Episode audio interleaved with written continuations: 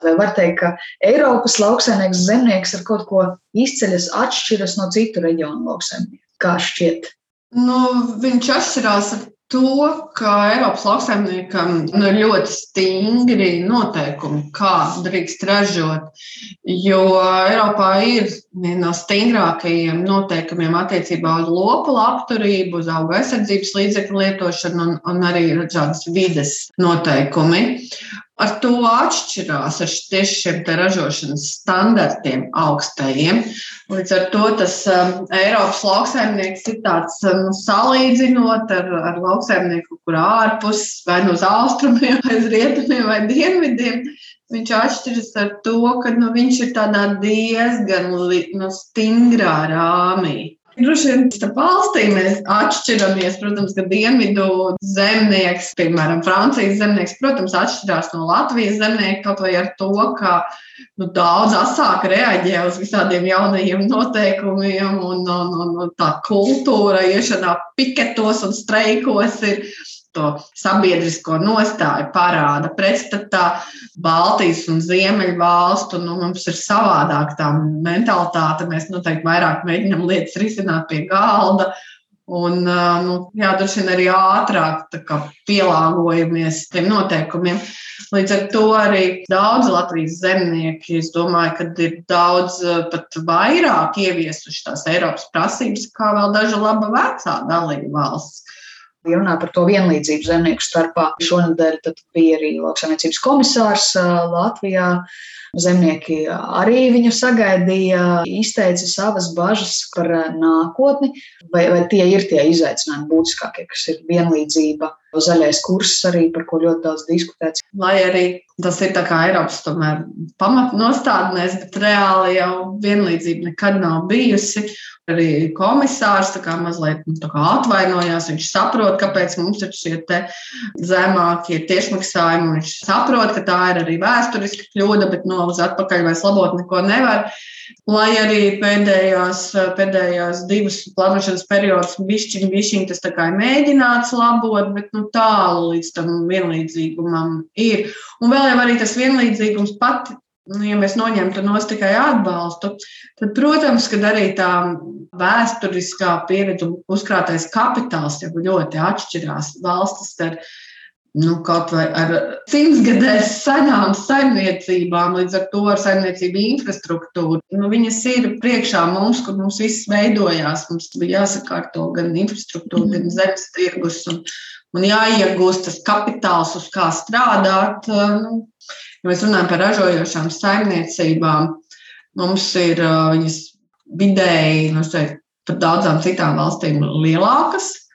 Jo nu, nebija jau citu variantu. Ja gribēja attīstīties, bija zema atbalsta, vienīgā priekšrocība - ekonomiskais lielums. Mums ir viena daļa, nu, vēl aizvien šo naturālo saimniecību, un, un mazi zemes gabali un, un vienkārši izdzīvošana laukos. Tad mums ir tas biznesa sadaļa, ir nu, lielā mērā tādas lielākas saimniecības nekā vecajā Eiropā. Un tas ir tas, ar ko mēs varējām konkurēt. Nu, tādēļ visiem vēl šobrīd zaļo vilni, ja tā varētu teikt, Jā, lauksaimnieki sajūt to, ka politika no lauksaimniecības sāk iet prom. Tāpēc, domāju, visā Eiropā lauksaimniekos ir trauksme, jo ir nāk tādas lielas globālas izmaiņas. Un tāpēc, ka lauksaimniecība ir ļoti ilgtermiņa biznesa, un tur nevar tādus ātrus eh, soļus izdarīt pa labi, pa kreisi. Tad, kad tu izdari, tad tas ir uz desmit gadiem. Un, eh, un tāpēc ir liels, liels samulsums, ko darīt. Kā jūs redzat, eh, tieši Eiropas nākotni lauksaimniecības nozarē, kas būs? Es nezinu, tā būs vairāk zaļa dēļ šī zaļā kursa arī uzstādījumiem Eiropā, vai nu, bioloģiska, vai, vai, vai konvencionāla, vai jaukta, vai nu, jā, kādas ir tās reālās sajūtas, kā tas būs?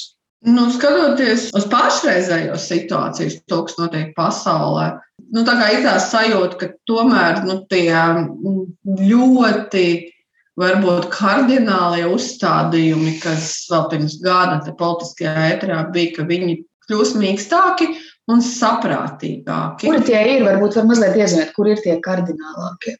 Nu, par to, ka, ka nevajag eh, mums te ražot, mums nevajag ražot vairāk kā pašiem, vajag, mums nevajag pasauli pabarot tādā izskanēja politiskajā eterā. Es domāju, ka to šobrīd saprot to pārtikas drošības jautājumu un, un saprot to, ka nu, nav tā atbilde nav risinājums, pieņemsim, tie paši bioloģiskie 25% Eiropā, ka tas viss ir nu, jāatstāj tomēr zinātnes, ražotāju un patērētāju ziņā, ko patērētāji gribēs. Ja patērētāji nevar gribēs vai iegādāties lētu produktu, tad ir jādomā, kā to lēto produktu saražot. Runājot par tādām tehnoloģijām, tad bioloģisks vai konvencionāls, man ļoti gribētos cerēt, ka tas vispār nu, tiks noņemts no politiskās, varbūt tās ētera. To katrs pats saimnieks izvēlās. Un, uh, tas pareizais ceļš ir kaut kur pa vidu. Tāda kā Latvijā lauksaimniecība lielā mērā jau ir, mēs viņu saucam, integrēta. Un uh, es domāju, ka Eiropa kopumā arī aizvien vairāk uz to iet, un arī tehnoloģijas attīstās, lai aizvien precīzāk varētu prognozēt, kad tam augam vajag ēst, un cik, nu, tā vienkārši sakot, un cik daudz viņam vajag ēst, un kad viņu vajag ārstēt, un kad viņu nevajag ārstēt ar augstsaimniecības līdzekļiem. Tas ir tas virziens, tāpēc, ka tie um, resursi vienkārši ir dārgi. Viņi arī ir mazi, un viņi nu, ir jāizmanto pēc iespējas efektīvāk. Es gribētu cerēt, ka tomēr šis laiks iedos to, tādu to skatījumu, ka augsne tur, kur viņa ir, viņa ir jāizmanto pārtiks ražošanai, jāizmanto tā, lai, jā, lai tā augsne kļūtu aizvien labāk un to pārtiku varētu izaudzēt vairāk. Un manā skatījumā tas būtu tas, tas loģiskais iznākums. Bet, nu, diemžēl jau politiķi to visu nosaka. Mēs nezinām pēc nākošajām Eiropas parlamentu vēlēšanām, tad jau redzēs, kāds tas virziens būs. Pārdomas par Eiropas lauksaimniecības nozari šodien un nākotnē veicāja arī Latvijas Bioloģiskās lauksaimniecības asociācijas vadītājam Gustavam Norkārklim. Tu pārstāvi tad tieši bioloģisko sektoru, bioloģisko saimniekošanu. Kāds, tavuprāt, ir eh, zemnieks tieši Eiropā, vai var teikt, ka šajā reģionā zemniekam ir kaut kāda īpaša identitāte, kāda profesijas identitāte. Cilvēcīgi, jā, zemnieki, mēs runājam par bioloģiskiem zemniekiem, ir ļoti strādīgi, ļoti zinātnāroši, patriotiski cilvēki. Viņš dzīvo laukos, viņam tā vide ir ļoti svarīga, un viņš, viņš arī dod ieguldījumu lauku uzturēšanā. Ja salīdzinām Ameriku, piemēram, tos lielos prērijas, plašos laukus, Tomēr Eiropā dominējoši ir mazie vidējie lauksaimnieki, kas veido to lauku kopienu, to sociālo vidi arī ļoti nozīmīgi. Un, tur varbūt tā atšķirība ir Latvijā un Eiropā. Savs īpašums, sava lauka saimniecība, sava saimniecība būt neatkarīgam tajā primāri tas ir dzīvesveids, tā ir mana dzīves telpa. Ražot pārtiku, tā ir neatņemama sastāvdaļa. Tas ir ļoti, ļoti nozīmīgi. Un es domāju, jebkuram pat arī kurš nav lauksaimnieks, gribētos būt lauksaimnieka vietā un iet pastrādāt, pašināties dārzā, izaudzēt kaut ko, aizvest uz tirgu, pārdot pārtiku un saņemt par to arī samaksu godīgu un arī gūt gandarījumu par to, ka tu esi izdarījis kādu labu darbu, kādam izaudzējis ēst un, un uh, jūties novērtēt tajā visā. Un Eiropas Savienībā zemnieks ir ļoti novērtēts. Tāks jau kopš uh, Eiropas Savienības dibināšanas lauksaimniecība ir bijusi prioritāte un līdz šai pašai dienai lauksaimnieks ir ļoti, ļoti augstu vērtēts. Bet kas ir tie konkrētie iegūmi, teiksim, ja par pašu sektoru runā par pašiem zemniekiem, kas ir iegūmi no, no būšanas uh, Eiropas Savienībā, kā šķiet? Lauksaimniekiem šī visa kopējās lauksaimniecības politika un Eiropas sistēma lauksaimniecībā ir nāks par labu, jo mēs neesam nonākuši tādā pārtikas krīzē, ka mums Eiropā trūkst pārtika, tas ir ļoti nozīmīgi. Jā, mēs pat ražojam pārtiku vairāk Eiropā nekā mēs patērējam. Tas jau ir ļoti labs rādītājs, ka mēs varam arī citas pasaules valsts apgādāt ar pārtiku. Atbalsta mehānismu, atbalsta sistēma dod lauksaimniekiem tādu iespēju, ka viņi ir pašpietiekami arī nodrošināti. Viņi nav nabadzīgākā tautsēmniecībā vai sabiedrībā nabadzīgākā sabiedrības grupa. Viņi ir pietiekoši nodrošināti un spēj nodrošināt arī citu pārtiku. Un Eiropas Savienība ir ļoti daudz devusi.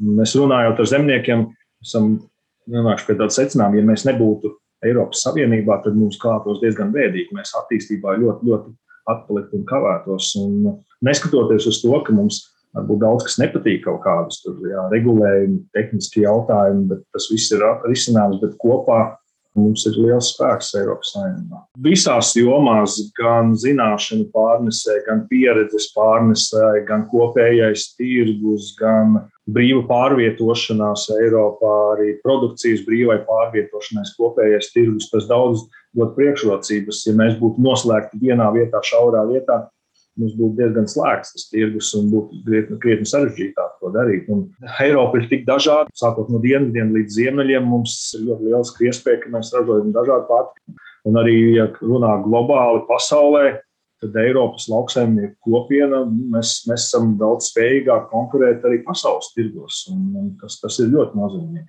Arī Eiropas Savienības politiskie nu, tādi nākotnes mērķi caur zaļo kursu saistīti citas starpā ar bioloģisko platību palielināšanu un arī pesticīdu lietošanas samazinājumu, ko vajadzētu iet un tam līdzīgi. Bet kā liekas tā pavisam no šodienas perspektīvas, jo nu, gan Covid krīze, gan uh, energo krīze, gan Ukrainas karš, tas viss ietekmē arī pārtikas nozari, arī cilvēkus, padziļina plaisu arī varbūt starp pirktspējīgākajiem un trūcīgajiem, vai ir kaut kāds šodienas tiešām tādā kontekstā redzējums, vai ir pieprasījums tieši pēc šīs lauksaimniecības, proti, pēc bioloģiskas pārtikas, vai arī pirktspēja? Manuprāt, šīs krīzes tieši arī parāda to, cik mēs esam atkarīgi no daudzi tādām lietām, ko mēs esam attīstījuši savu saimniekošanu, tautsēmniecību, uz tādām lietām, kur mēs esam pilnībā atkarīgi un mūs ietekmē globālie procesi. Un tas mērķis, man liekas, zaļajā kursā, arī no lauka līdz galdam stratēģijā par lauksaimniecību runājot, tieši vairot to neatkarību. Mēs pārtikas sistēmā, pārtikas drošumā esam neatkarīgi no, no Krievijas, no Amerikas, varbūt no Brazīlijas, sojas. Tas ietekmē īstenībā mūsu dzīvotspēju un pirktspēju ja mēs esam savā reģionā, būtu pašpietiekami un neatkarīgi no ārējiem resursiem, tad mums šādas globālās krīzes mazāk skārt. Tā ir tā būtība. Protams, šodienas tūlītējais risinājums varbūt nav iespējams uzreiz pilnīgi kļūt neatkarīgam, bet varbūt tas ir tā kļūdainība, kas iepriekšējos 10, 20 gadus ir bijusi tā, ka mēs ar vien atkarīgāk un atkarīgāk kļuvām no, no ārējiem resursiem. Mēs esam tikai izpildītāji kaut kādā jomā, un Mums trūkst iespējas manipulēt, lai mēs būtu jā, pašpietiekami. Un es, piemēram, savu saimniecību veidoju maksimāli neatkarīgi no ārējiem resursiem. Protams, vienmēr kaut kur es būšu ietekmējams, bet maksimāli daudz gan enerģijas ražošanā, gan, gan sēklu ražošanā. Jā, degviela problemātiski būs, bet uh, minerālu māsas bioloģiskā ražošanā es neizmantoju, es izmantoju savā saimniecībā resursus. Un šis ir tas ceļš, kādā veidā es esmu neatkarīgs. Mani globāli varbūt procesi tik traki neietekmē, man pārtikai nevajadzētu būt dārgāk. Zaļais kurs ir, man liekas, tajos stratēģijās ir iekšā, ka mēs kļūstam neatkarīgāki. Un tādā veidā, ja es sev ražoju elektrību, tad man īpaši neuztrauc, kāda varbūt cena ir biržā vai vēl kaut kur citur. Tas ir ļoti būtiski. Varbūt kaut kādā brīdī centralizēšana visur, veidojot lielas saimniecības vielas ražošanas, mēs veidojam it kā lētāku pārtiku, bet ļoti liela riska pārtikas ražošana. Ja mēs atkal veidojam ļoti daudz mazas saimniecības, ļoti dažādu pārtiku, ražojam daudzveidīgu. Nav tā, ka mums tikai kvieši vai rapši. Nu, ja kaut kas notiek, uzreiz mums ir krīze. Ja mums būtu 30 dažādas kultūras, daudz, daudz, daudz tūkstošiem saimniecību, tas mūs tik traki neskartu un varbūt tās cenas nebūtu tik lielas.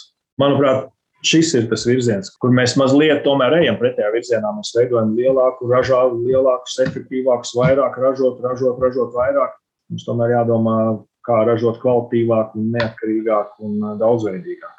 Teiciens par visām olām vienā groziņā. Mēs nedrīkstam to likt.